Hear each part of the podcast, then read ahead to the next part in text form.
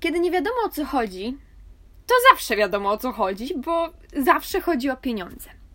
I dzisiaj odcinek specjalny o pieniążkach właśnie, z tego względu, że zanim wprowadzę Was do opowieści z podróży, e, na temat własnych przygód, na temat ludzi, których spotykam po drodze, to muszę pokazać Wam, jak ta moja podróż wygląda z technicznej strony. Stąd ten temat, stąd temat pieniędzy, stąd temat niskobudżetowej podróży, a uwierzcie mi, ja jestem ekspertem w tej dziedzinie i ja tutaj wcale nie przesadzam. Naprawdę, jeżeli nie wierzycie mi w tym momencie, to uwierzycie mi za chwilę. Zacznę od początku, tak? A więc, po pierwsze, autostop. Poruszam się praktycznie wyłącznie autostopem.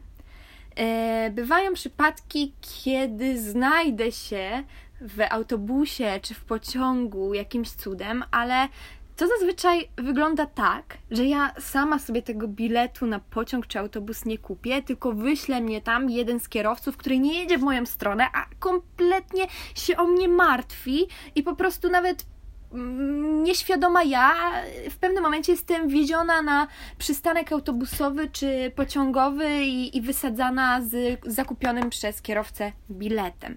I rzeczywiście tak bywa. Ja staram się zawsze trzymać swoją stronę podczas autostopu i nawet jeżeli kierowca proponuje, że weźmie mnie na przystanek autobusowy, na przystanek pociągu, e, czy ogólnie, że zapłaci za mój bilet, że on po prostu nie chce, żebym się poruszał autostopem, bo to jest według nich często niebezpieczne, tym bardziej jeżeli dziewczyna sama stoi przy drodze ja się z tym nie zgadzam, PS, ale, ale okej, okay, każdy ma na to inne spojrzenie. No to ja staram się zawsze odmawiać, a raczej nie staram się, ja zawsze odmawiam i, i mówię, że nie, że ja podróżuję właśnie w ten sposób i wtedy staram się wytłumaczyć, że po prostu oni najczęściej nawet nie znają wyrazu autostop. No, tutaj w Azji bardzo ciężko z tym jest i, i zawsze mam problem z wyjaśnieniem, w jaki sposób podróżuję. Ale wtedy mówię, że ja tak się poruszam, że ja tak przejechałam e, pół Tajlandii, przekroczyłam granicę z Malezją i teraz w Indonezji też się tak poruszam, e, że to jest normalne, że nie chcę jechać na, mm, na przystanek autobusowy, czy nie chcę brać pociągu, no bo nie mam za dużo tych pieniędzy. Poza tym dla mnie to jest wielka, e, wielka przygoda i, i mogę dzięki temu spotkać mnóstwo wspaniałych ludzi. Ale bywają takie momenty, że oni jasne, jasne, no to wsiadaj i, i, i próbuję się z nimi dogadać. Myślę, że wiozą mnie gdzieś tam na autostradę, żeby mnie wysadzić, bo nawet nie jadą w, to, w ten samym kierunku, ale chcą pomóc. A okazuje się, że właśnie wiozą mnie na ten przystanek autobusowy czy na pociąg i ja, będąc już w samochodzie, wtedy nie mogę się uprzeć, bo co, mam wyskoczyć z samochodu czy co? I po prostu jestem wieziona na ten przystanek i oni mnie tam wysadzają i idą ze mną do okienka i kupują mi bilet e, i wysyłają mnie do tego gate'u, żebym spokojnie poczekała, pokazują wszystko dosłownie co i jak żeby e, oczywiście znaleźć odpowiedni autobus, odpowiedni pociąg i bardzo się o mnie troszczą w tym momencie. No i ja jestem za to wdzięczna, także zdarzyło mi się podczas tej e, podróży właśnie w ten sposób busem czy pociągiem jechać, tak sobie to busem, ale tylko dwa razy, bo zawsze właśnie starałam się uprzeć przy swoim, łapiąc stopa, a, a dwa razy mnie zaskoczyli i, i tak musiałam jechać tym busem, co i tak jest też uważam świetnym doświadczeniem, bo jadąc z lokalsami, takim lokalnym busem, widzisz, jak, jak oni naprawdę podróżują po tym kraju i jakie są warunki e, tych lokalnych środków transportu, co jest świetne. Druga sprawa to, jest, to są piesze, e, piesze wędrówki. E, o co chodzi z tymi pieszymi wędrówkami? O to, że nawet będąc w mieście, ja bardzo oszczędzam na publicznym transporcie. Tym bardziej, że tutaj na przykład w Azji ten transport publiczny jest naprawdę w wielkich miastach, o to mi chodzi, jest naprawdę beznadziejny. I ja dopiero zaczęłam doceniać pod tym kątem Polskę, Gdańsk, ogólnie Trójmiasto, duże miasta w Polsce. Przecież to nie jest żaden problem, żeby przedostać się z Gdyni do Sopotu, bo mamy SKM-ki, mamy tramwaje, mamy autobusy co 5 minut. E, gdzieś tam w Warszawie jest metro, tak? E, nie ma najmniejszego problemu, żeby się gdziekolwiek przedostać. Co chwilę coś jedzie, a nie co godzinę, co dwie godziny. Ja pochodzę z małej wioski, gdzie ten transport jest trochę bardziej utrudniony, no ale mimo wszystko mówię tutaj o dużych miastach. I ja niczego nie spodziewałam się przyjeżdżając do Azji. Nie wiedziałam, jak to wygląda. Mm, problem jest taki, że w mieście ciężko jest znaleźć, a raczej złapać autostop, bo jest tyle samochodów, jest tak ogromny ruch, najczęściej nawet nie ma gdzie stanąć. Oczywiście to jest możliwe, ale ciężko się poruszać autostopem, więc y, te, te tanie lokalne busy byłyby na wagę złota, szczerze mówiąc tutaj. Niestety tak to nie wygląda. Jeszcze w Kuala Lumpur było ok. Serio, było metro, y, były busy, a i tak chodziłam pieszo, żeby zaoszczędzić. E, no ale w Dżakarcie to, to nie ma nic. Jak ja chciałam podjechać do, gdzieś tam na drugi koniec Dżakarty, to mi pokazało, że pojadę 3 godziny. I to z dziesięcioma przesiadkami. Naprawdę. I, I ja tutaj nie przesadzam. Ja tutaj w żaden sposób nie przesadzam. Dlatego bardzo doceniam publiczne środki transportu w Polsce. Tutaj tego nie ma. Dlatego co robię? Chodzę pieszo. I nie ma dla mnie niemożliwego dystansu do pokonania. Yy, czy to będzie 5 km, czy to będzie 10 km. No jak już jest 15, to się zastanawiam nad tym, co zrobić i jak dojechać, czy lepiej nie jechać tych 3, 3 godzin środkami transportu, yy, iść pieszo z plecakiem, właśnie, czy iść pieszo z plecakiem, bo to mogę iść czasem nawet 3-4 godziny zależy od ruchu na drodze, ale najczęściej po prostu chodzę pieszo. I, i, i też właśnie mm, tak zrobiłam ostatnio, jak dojechałam do Dżakarty, teraz jestem w Dżakarcie, więc pozdrawiam z Dżakarty, e, dojechałam do Dżakarty, swoją drogą dojechałam właśnie busem, e, na który bilet kupił mi przyjaciel mojej hostki z couchsurfingu. Po prostu uparł się. Powiedział, nie, nie pojedziesz stopem. I, I kupił mi ten bilet. I no, po prostu musiałam. I słuchajcie, 500 kilometrów z okolic Jogjakarty do Jakarty, 500 kilometrów, ja jechałam przez prawie 15 godzin tym busem lokalnym. Prawie 15 godzin. Ja, ja byłam w szoku. Ja myślałam, że to, nie wiem, 8 godzin max przecież. Chociaż byłam już wcześniej przyzwyczajona, że, że tutaj drogi są beznadziejne. Ale myślałam, że w dość szybkim czasie wjedziemy na autostradę tym busem i, i już pójdzie z górki. Niestety tak nie było. Myśmy na autostradę wjechali bodajże po 8 godzinach dopiero tym busem bo trzeba było te wszystkie okoliczne wioski objechać, żeby zabrać ludzi do tej Dżakarty i prawie 15 godzin jechałam. No i jak wysiadłam w tej Dżakarcie, a była czwarta rano, czy tam czwarta 30, czwarta 40, coś takiego, było ciemno jeszcze i, i miałam do pokonania pewien dystans. E, oczywiście wcześniej nie znalazłam hosta z couchsurfingu, bo powiedzmy sobie szczerze, to jest kraj muzułmański. Jeszcze do tego couchsurfingu przejdę i, i, i wyjaśnię co i jak, jak to wygląda e, spokojnie. E, nie znalazłam hosta z couchsurfingu, bo to jest, tak jak powiedziałam, muzułmański kraj. Oni często mają w profilach zaznaczone, że, że mężczyźni, załóżmy sobie, powiedzmy sobie szczerze, 90% hostów z couchsurfingu to są mężczyźni tutaj i, I ci mężczyźni w swoim profilu mają zapisane od razu zaznaczone, że chcą hostować tylko mężczyzn. Z tego względu, że właśnie mm, tak najczęściej jest najłatwiej. Oni mieszk- to jest, Jakarta to jest stolica.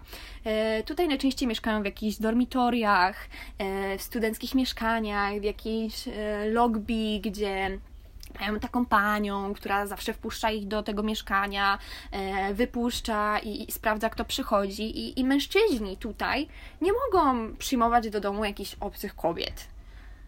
Dlatego no, no, nie mogłam znaleźć tego e, hosta z couchsurfingu. Znalazłam jedną dziewczynę, która mogła mnie przenocować, ale ona mieszkała 40 kilometrów od Jakarty, od centrum. I ja nawet nie wiedziałam, jakbym się miała tam dostać, a pieszo 40 km to mimo wszystko to jest sporo. Yy, więc nie znalazłam hosty z couchsurfingu. Mój kumpel yy, próbował mi pomóc. Kumpel swoją drogą, którego poznałam yy, na couchsurfingu w Bułgarii i z którym dzisiaj się spotkam. Więc słuchajcie, te mm, przyjaźnie z couchsurfingu, one naprawdę One naprawdę działają i one się nie kończą po jednej wizycie. Jeszcze raz, czym jest Couchsurfing? Couchsurfing to jest aplikacja na telefon dla mm, podróżników, dzięki której możecie znaleźć w, praktycznie w każdym miejscu na świecie e, hosta, czyli osobę, która przenocuje Was w swoim domu za darmo na zasadzie wymiany kulturowej. I Ty najczęściej musisz po prostu spędzać czas z tą osobą, czy z tą rodziną, e, razem jecie, e, zasiadacie do, mm, p, razem zasiadacie do stołu, jecie posiłki, gotujecie, e, zwiedzacie miasto, rozmawiacie na temat własnej kultury swojego kraju, czy kultury e, kraju Waszego hosta. I, I właśnie kwestia jest taka, że często musicie, jesteście zobligowani, e, żeby ten czas z tą osobą spędzać co um, ja bardzo często używam couchsurfingu, e, ale czasami po prostu jestem już tak zmęczona, bo na przykład w ciągu miesiąca, dzień w dzień miałam hosta z couchsurfingu i, i dzień, dzień albo co drugi dzień spam u innej osoby u innej rodziny i, i po prostu jestem taka straszliwie zmęczona już mówieniem tego samego, czy w ogóle tym zobligowaniem, że, że że, żeby ten czas z nimi spędzić, chociaż ja uwielbiam tych ludzi, to są bardzo, to są cudowni ludzie, najwspanialsi na świecie, bardzo otwarci na wszelkiego rodzaju kultury, religie, e, na, na, na nowych ludzi ogólnie. Ale jak się jest w takiej długoterminowej podróży, to czasami po prostu potrzebujesz takiego dnia, kiedy po prostu leżysz, z nikim nie rozmawiasz i, i, i niczego nie musisz. I, I w takich momentach już bardzo skrajne, kiedy jestem naprawdę już trochę zmęczona, to wtedy biorę tani, tani, tani, tani hostel. Ale o tym zaraz. No i poznałam tego hosta swojego wtedy w Bułgarii. On się nazywa Enes jest Turkiem. I on mnie tam hościł przez kilka dni. Potem ja go hościłam w Stambule, kiedy mieszkałam w Turcji przez kilka miesięcy. Więc e, słuchajcie, ten couchsurfing działa i to nie jest tak, że, e, że te przyjaźnie, wasze znajomości skończą się od razu po tym, jak wy wrócicie do swojego kraju i już nigdy więcej się ze sobą nie zobaczycie, nie spotkacie. To tak nie jest. Ja mam naprawdę bardzo dużo znajomości z couchsurfingu e, i chociażby takim przykładem jest właśnie Enes, z którym się spotkam dzisiaj, czyli jakby trzeci czy czwarty raz w moim życiu i to w kompletnie innym zakątku świata. Pierwszy raz był w Bułgarii, potem e, raz w Turcji, czy nawet dwa razy w Turcji, kiedy ja tam mieszkałam i, i teraz kurczę w Indonezji, w Dżakarcie, bo on tutaj robi jakiś wolontariat czy coś, tam jeszcze nie wiem, zaraz się dowiem.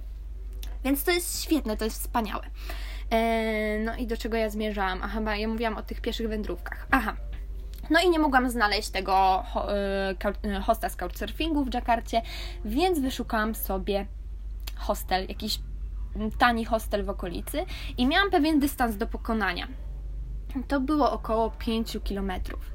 I, I chodzi o to, że nie było żadnego busa lokalnego w, tej środku, w środku tej nocy, ten czwarta, piąta rano, więc po prostu szłam pieszo. Szłam pieszo przez mm, jakieś dziwne uliczki, wąziutkie między domami, gdzie ludzie dopiero budzili się do pracy. I ja słuchajcie, szłam jakieś 2-3 godziny te 5 kilometrów, bo szłam po pierwsze z ciężkim plecakiem na, na swoich barkach, e, a po drugie, no, tymi uliczkami, przechodzenie między tymi domami, no to, to, to jednak trwało trochę. Plus tutaj w Dżakarcie oni mają co chwilę jakieś ulice pozamykane, jakieś kraty porobione i, i nawet jak mi Maps mi pokazuje, że ja mogę tam przejść, to się okazuje w rzeczywistości, że ja nie mogłam tam przejść, musiałam iść naokoło i nieraz się cofać. I doszłam chyba po jakichś trzech godzinach do tego hostelu, gdzie jeszcze nie bukowałam wtedy, nie rezerwowałam pokoju na tę samą noc, kiedy przyszłam, a w sumie przyszłam tam około 6 rano, więc to już był kolejny dzień, bez sensu było brać na, na ten sam y, dzień rezerwację i, i płacić za to, więc mogłam zameldować się w tym hostelu o godzinie 12. Więc słuchajcie, czekałam jeszcze do tej godziny 12 w tym hostelu, taka totalnie zmęczona po 15 godzinach jazdy w tym autobusie, w którym straszliwie mnie trzęsło. Eee, I jeszcze czekałam do tej 12, żeby się zameldować, żeby nie zapłacić za noc wcześniej. Na szczęście byli kochani na rezerwacji, e, na recepcji e, i pozwolili mi wejść trochę wcześniej do pokoju, co było super. A więc bardzo często chodzę pieszo. Po mieście poruszam się pieszo, 5-10 km nie jest dla mnie problemem. Jeszcze jak z dziewczynami zwiedzałyśmy Bali, to zrobiłyśmy sobie taki trip, że wstałyśmy wcześniej rano i potem szłyśmy jakieś 7 czy 8 kilometrów pieszo do tarasów ryżowych z Ubud. I potem z tych tarasów ryżowych z Ubud pieszo jeszcze do takiej świątyni, która była kolejne 7 km czy 8 e, za tymi tarasami. I, i, i próbowałyśmy w międzyczasie złapać stopa, no ale ten stop tam nie działał za bardzo poza tym byłyśmy w czwórkę i tak dalej, to, to słuchajcie, przeszłyśmy się okazało 15 km, co nam zajęło pół dnia, żeby w ogóle się tam dostać. 15 km w jedną stronę, a potem z powrotem też szłyśmy kawałek, ale na szczęście już potem udało się złapać stopa i, i, i, i nasze nogi, które odpadały wtedy, totalnie się na ten fakt ucieszyły. Także wszędzie chodzę pieszo, czy noc, czy nie noc, czy, czy, czy ciężki plecak na plecach, czy kurde kostkę miała zwichnięte, no to i, i słuchajcie, i tak bym szła pieszo, bo ja, nie wiem, mam coś takiego w sobie, że i, i, i, lubię być samodzielna. Jestem strasznie uparta, jestem strasznie uparta i ja uważam, że skoro Bozia mi dała dwie nóżki i te dwie nóżki są sprawne, a zwichnięcie to tam w sumie nic takiego. Zawsze bagatelizuję wszelkiego rodzaju choroby, o czym zaraz Wam powiem. E, no to ja mogę przejść te 10 kilometrów. I to mnie tylko hartuje. Ja, mi się tak piękne wyrobiły y, łydki po tych trzech miesiącach, że jestem w szoku, że można mieć tak piękne łydki. Naprawdę, ja, ja, ja nie wiedziałam, że można mieć tak wyrzeźbione łydki. I, i, i to mnie łechce po moim ego, że, że, że uda, łydki trochę mi się wyrobiły. I w sumie dla mnie to nie jest problem iść, bo mama zawsze powtarzała, nie wybrzydzaj, bądź zahartowana, e, poradzisz sobie w życiu. I, i, i dla mnie nic nie jest problemem. E, także. No i znowu się zgubiłam. Także pierwsze wędrówki. I a, jeszcze mówiłam o tym, że bagatelizuję swoje choroby. Na przykład w Iranie złapałam e, wirusa bostońskiego. Jeżeli ktoś nie wie, czym jest wirus bostoński, no to jest to taka choroba typowo, ona łapie dzieci, przeważnie dzieci. E, I dostajesz wysypkę, e, taką ostrą wysypkę na rękach, na dłoniach, o, na dłoniach, na stopach. I to jest taka wysypka, wiecie, taka czerwona, z takim jakimś dziwnym, taką dziwną ropą w środku, strasznie, strasznie boląca. E, ja miałam całe stopy, w ogóle moje stopy wyglądały jak jakby były, nie wiem, stopy Shreka, takie ogromne, one były trzy razy większe niż moja normalna stopa, a moja stopa jest ogólnie malutka, więc ja ledwo co nogę w bucie yy, mieściłam. I, i, I moje stopy były ogromne, pokryte tymi bolącymi, ropnymi, wielkimi, obrzydliwymi, yy, nie wiem jak to nazwać, takimi pipkami. Yy, ręce to samo, ja się straszliwie pociłam. Ja miałam tę wysypkę nawet w gardle. Ja miałam w przełyku, słuchajcie, tę wysypkę. Ja nie mogłam mieć normalnego jedzenia. Ja musiałam mieć jakieś zmielone żarełko, które mogłabym najczęściej przez rurkę po prostu przełykać. No i ja nie poszłam do lekarza w tym Iranie. Ja miałam ubezpieczenie, ale ja nie poszłam do lekarza w tym Iranie, bo e, po pierwsze byłam wtedy z kimś, byłam z Marcinem i ja nie chciałam, bardzo nie chciałam niszczyć mu podróży przez jakąś swoją chorobę. A tą chorobę najczęściej y, po prostu złapałam od jakiegoś dzieciaka, y, bo wiecie, w tym Iranie to wszyscy się tak cieszą, że jacyś obcokrajowcy przyjechali, że dają mi te dzieci na ręce i te dzieci mnie całują po twarzy, y, po rękach, w ogóle wszędzie i się przytulają i, no, i, i to się przenosi drogą kropelkową. I ja po prostu się spodziewam, że w momencie, kiedy te dzieci się tak przytulały i mnie całowały po całym ryjcu, to po prostu ja tę chorobę od któregoś z nich złapałam.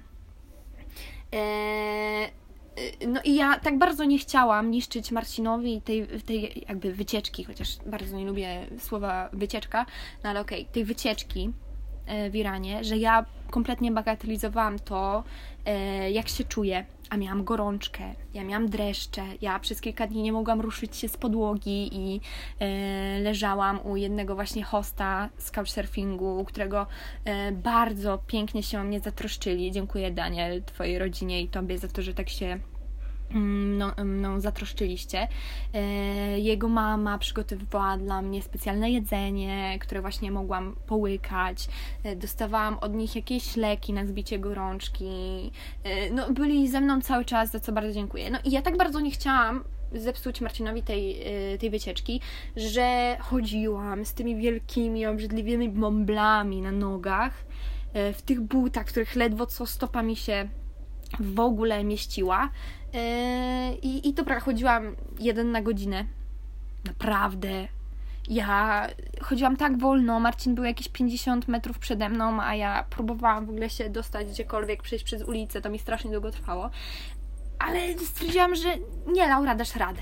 Ja wiem, że to czasami jest w ogóle totalnie nieodpowiedzialne i, i że ja powinnam się zatroszczyć o swoje zdrowie, ale coś takiego mam właśnie w głowie, do, do czego dążę w tej opowieści, że takie przekonanie, że ja sobie ze wszystkim poradzę, że ja wszystko mogę, że y, jestem na tyle zahartowana, że lepiej w sumie iść, próbować iść z tymi bąblami na nogach, niż leżeć i zdychać. Gdzie idąc też zdychałam na przykład. Totalnie czułam się, jakbym umierała. No ale nie wiem, jakieś takie przekonanie we mnie siedzi i z tym nie mogę naprawdę nic zrobić. I, i próbowałam czasami wystrzec się takiego myślenia, że trzeba o siebie zadbać, że czasem trzeba odpocząć, że no weź czasem sobie tego Ubera czy cokolwiek, żeby gdzieś dojechać. Nie. I, I to jest super dla budżetowych podróżników z tego właśnie względu, że nie wydajemy pieniędzy, wte, pieniędzy wtedy na transport. Jeżdżę stopem, chodzę pieszo, nie wydaję pieniędzy na transport. Jem, słuchajcie, w lokalnych budkach. I to są takie budki, o których mówiłam Wam w pierwszym odcinku, czyli takie uliczne budki, w których można zjeść za 2, 3 złote, 4 złote. Jak już jest drożej, drożej, to nie biorę i po prostu chodzę po całym mieście, nawet dwie godziny szukając takiej budki, w którym znajdę jedzenie za 2,70. Inaczej nie kupię. Jestem na tyle uparta, że naprawdę nie kupię. Jeżeli będzie drożej, to nie kupię. No chyba, że już naprawdę umieram z głodu i, i, i burczy, jestem mi w tym brzuchu, jestem taka słaba, że już nie mogę iść, to wtedy zapłacę drożej. Już się zmuszę, bo to ja się muszę zmusić do tego. Jestem tak upartą osobą, że ja się muszę do tego zmusić. Wtedy się zmuszę. Ale ja póki nie umieram z głodu, przejdę przez całe miasto 10 km w poszukiwaniu budki za 2,70. I taka jest moja natura. I ja wiem, że każdy podróżuje inaczej, że każdy ma swój sposób na podróże i ja to szanuję i to jest piękne, że każdy z nas inaczej podróżuje. A, ale ja po prostu mam coś takiego zakodowanego w głowie i tyle. Więc używam auto, y, jeżdżę tylko autostopem, chodzę pieszo, jem jedzenie w budkach, za które płacę minimalne pieniądze, couchsurfing, czyli śpię u lokalsów za darmo, namiot, mam namiot, e, e, często śpię na plaży. Nawet jak mi się nie chce rozkładać namiotu, to po prostu rozkładam sobie karimatę, bo mam też karimatę i rozkładam się pod gołym niebem na tej karimacie. Spałam w różnych pustostanach, kiedy na przykład w nocy jadąc stopem zatrzymałam się w miejscu, w którym kompletnie nie planowałam się zatrzymać, a najczęściej ja po prostu nic nie planuję, to trzeba znaleźć jakieś miejsce na namiot, a najbezpieczniejsze są pustostany, więc śpię w tych pustostanach. No bo oczywiście nie zapłacę za hostel. A jeżeli już płacę za hostel, to naprawdę wyszukuję na Agodzie, bo tutaj w Azji y, jest taka strona Agoda, agoda.com, czy tam jakoś tak, y, gdzie można znaleźć naprawdę tanie hostele. I słuchajcie, w Tajlandii, nie wiem, raz czy dwa spam w hostelu przez cały miesiąc, mm, przez 25 dni y, i zapłaciłam wtedy za nocleg, nie wiem, 9 zł. W Malezji spałam bodajże raz w hostelu na miesiąc i też zapłaciłam 9 zł. Nie, przepraszam, dwa razy, bo wtedy miałam takie, takie załamanie trochę i musiałam odpocząć od wszystkich couchsurferów, od w ogóle wszystkich ludzi i chciałam tylko zamknąć się w hostelu i wyszukałam najtańszy hostel, w jakim kiedykolwiek w życiu. Yy, najtańszy hostel, jaki kiedykolwiek w życiu widziałam. O, tak, niech będzie. I to był hostel za 6 zł za dobę. Ja naprawdę spałam w tym hostelu za 6 zł za dobę, a ja nawet nie miałam tam łóżka. Ja spałam w hamaku.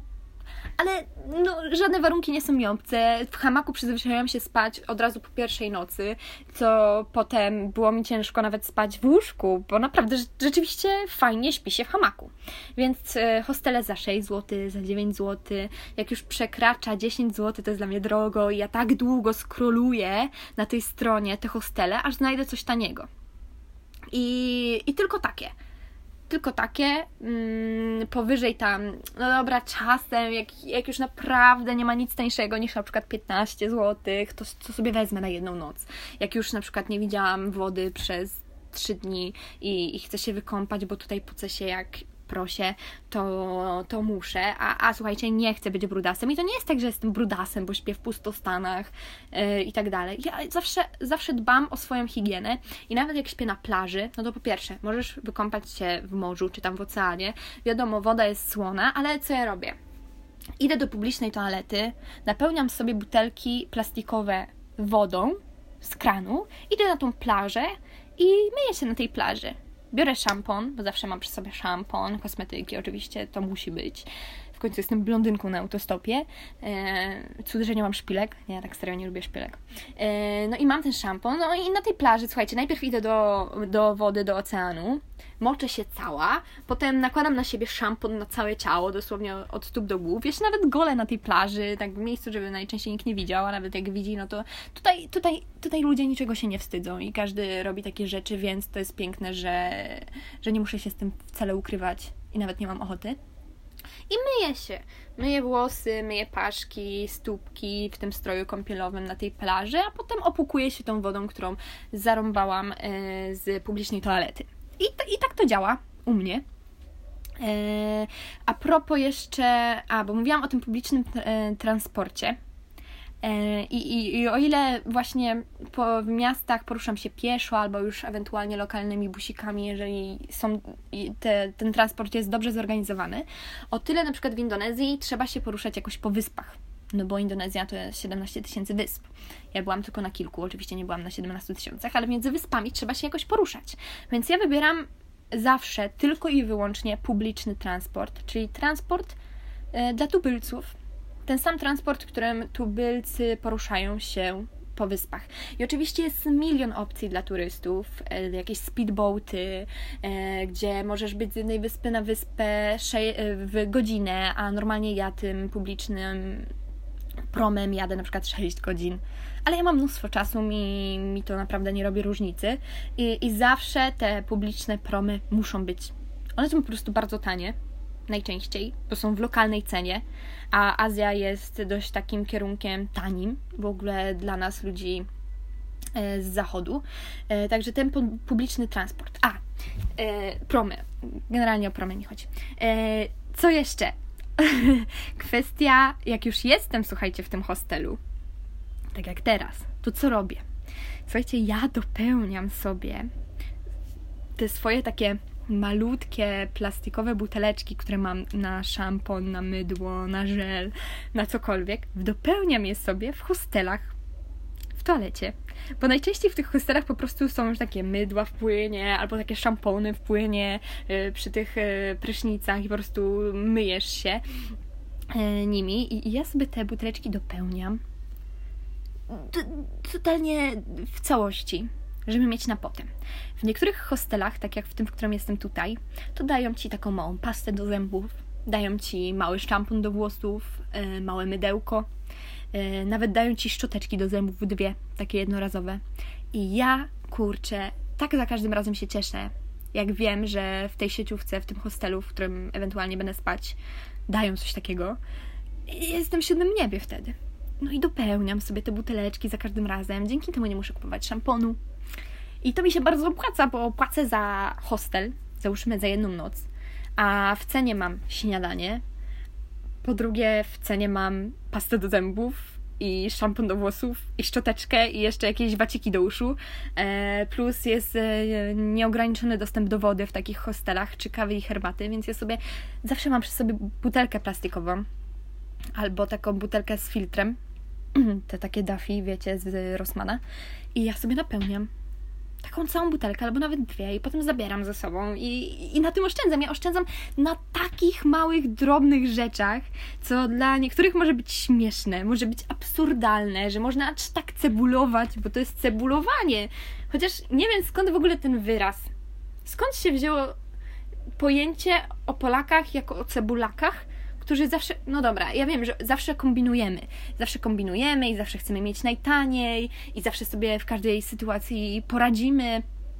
Co widać też na moim przykładzie, że ja strasznie kombinuję i staram sobie radzić w dziwnych warunkach. Ale skąd ta cebula? Niech mi ktoś wyjaśni, skąd ta cebula, bo ja właściwie chyba nie jestem świadoma, skąd się ta cebula. Ja wiem, że cebula ma warstwy. Cebula ma warstwy, ogry mają warstwy, ale skąd ta cebula jako do pojęcia, jako nazwy na Polaków. Janusze biznesu, okej, okay, rozumiem, ale cebula? Jak, jak wiecie, to dajcie znać, bo musicie mnie uświadomić. No i teraz takie krótkie podsumowanie jeszcze a propos tego, e, tych pieniążków.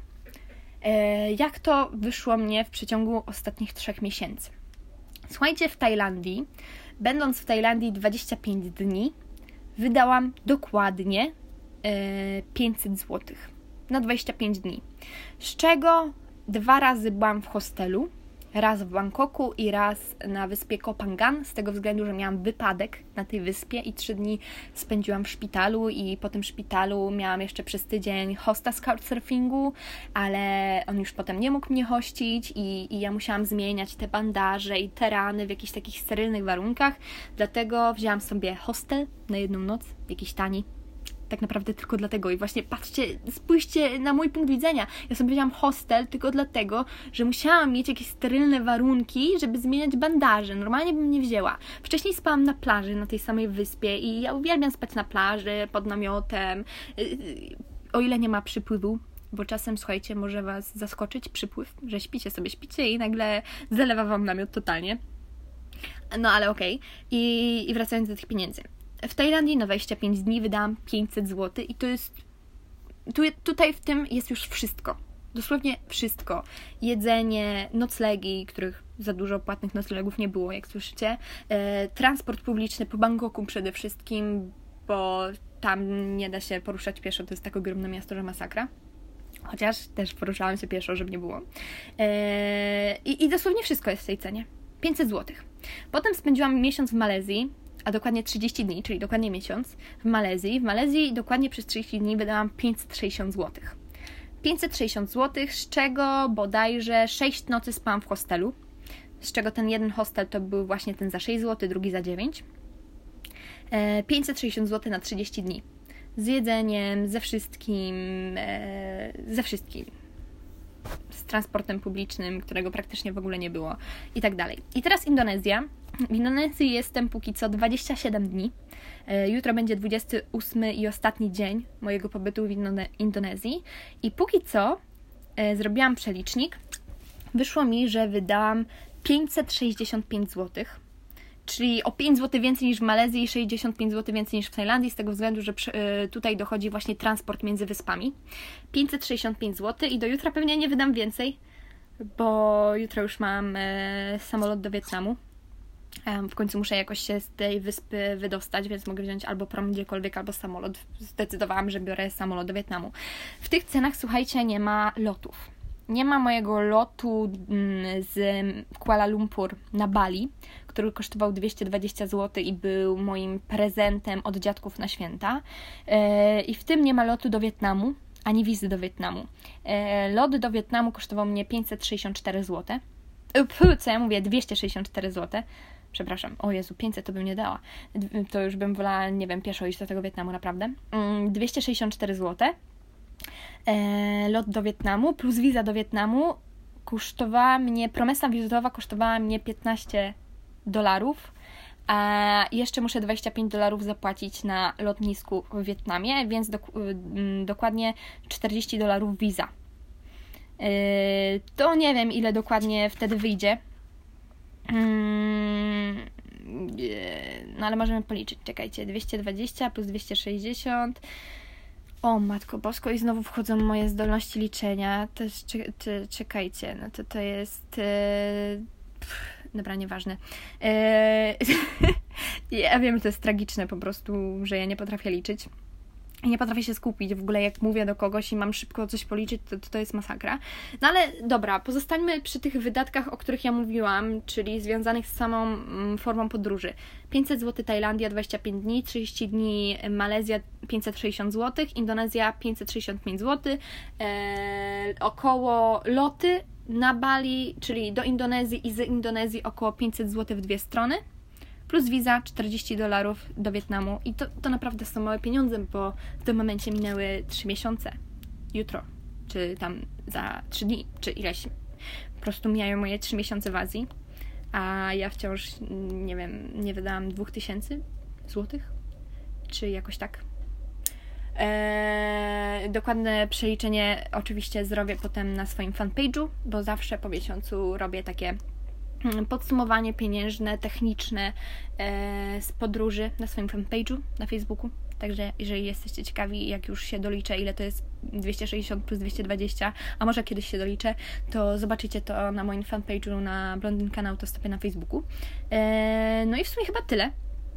E, tyle chciałam Wam powiedzieć o moim sposobie podróżowania, o tym niskobudżet, o tej niskobudżetowej podróży, w której jestem ekspertem Naprawdę.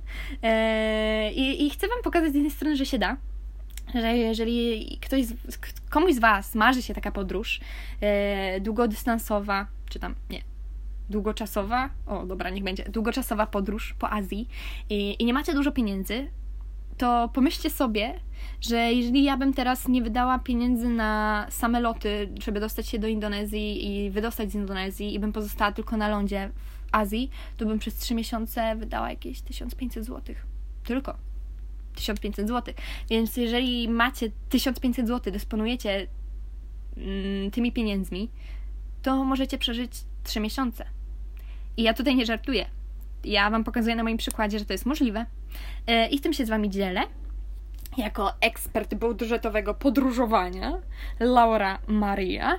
E, tym podcastem, tym odcinkiem żegnam się z Wami w tym takim pozytywnym nastawieniu do życia i, i, i miłości do braku pieniędzy. Eee, no i do usłyszenia potem. Czyli w następnym odcinku opowiem Wam już o historii związanej z Malezją i moich, a raczej nie moich, ale, ale z, związanych ze mną podbojach miłosnych na małpiej plaży, więc to będzie trochę żerujący odcinek, na pewno, ale zabawny. Także Zapraszam serdecznie i do usłyszenia, co nie?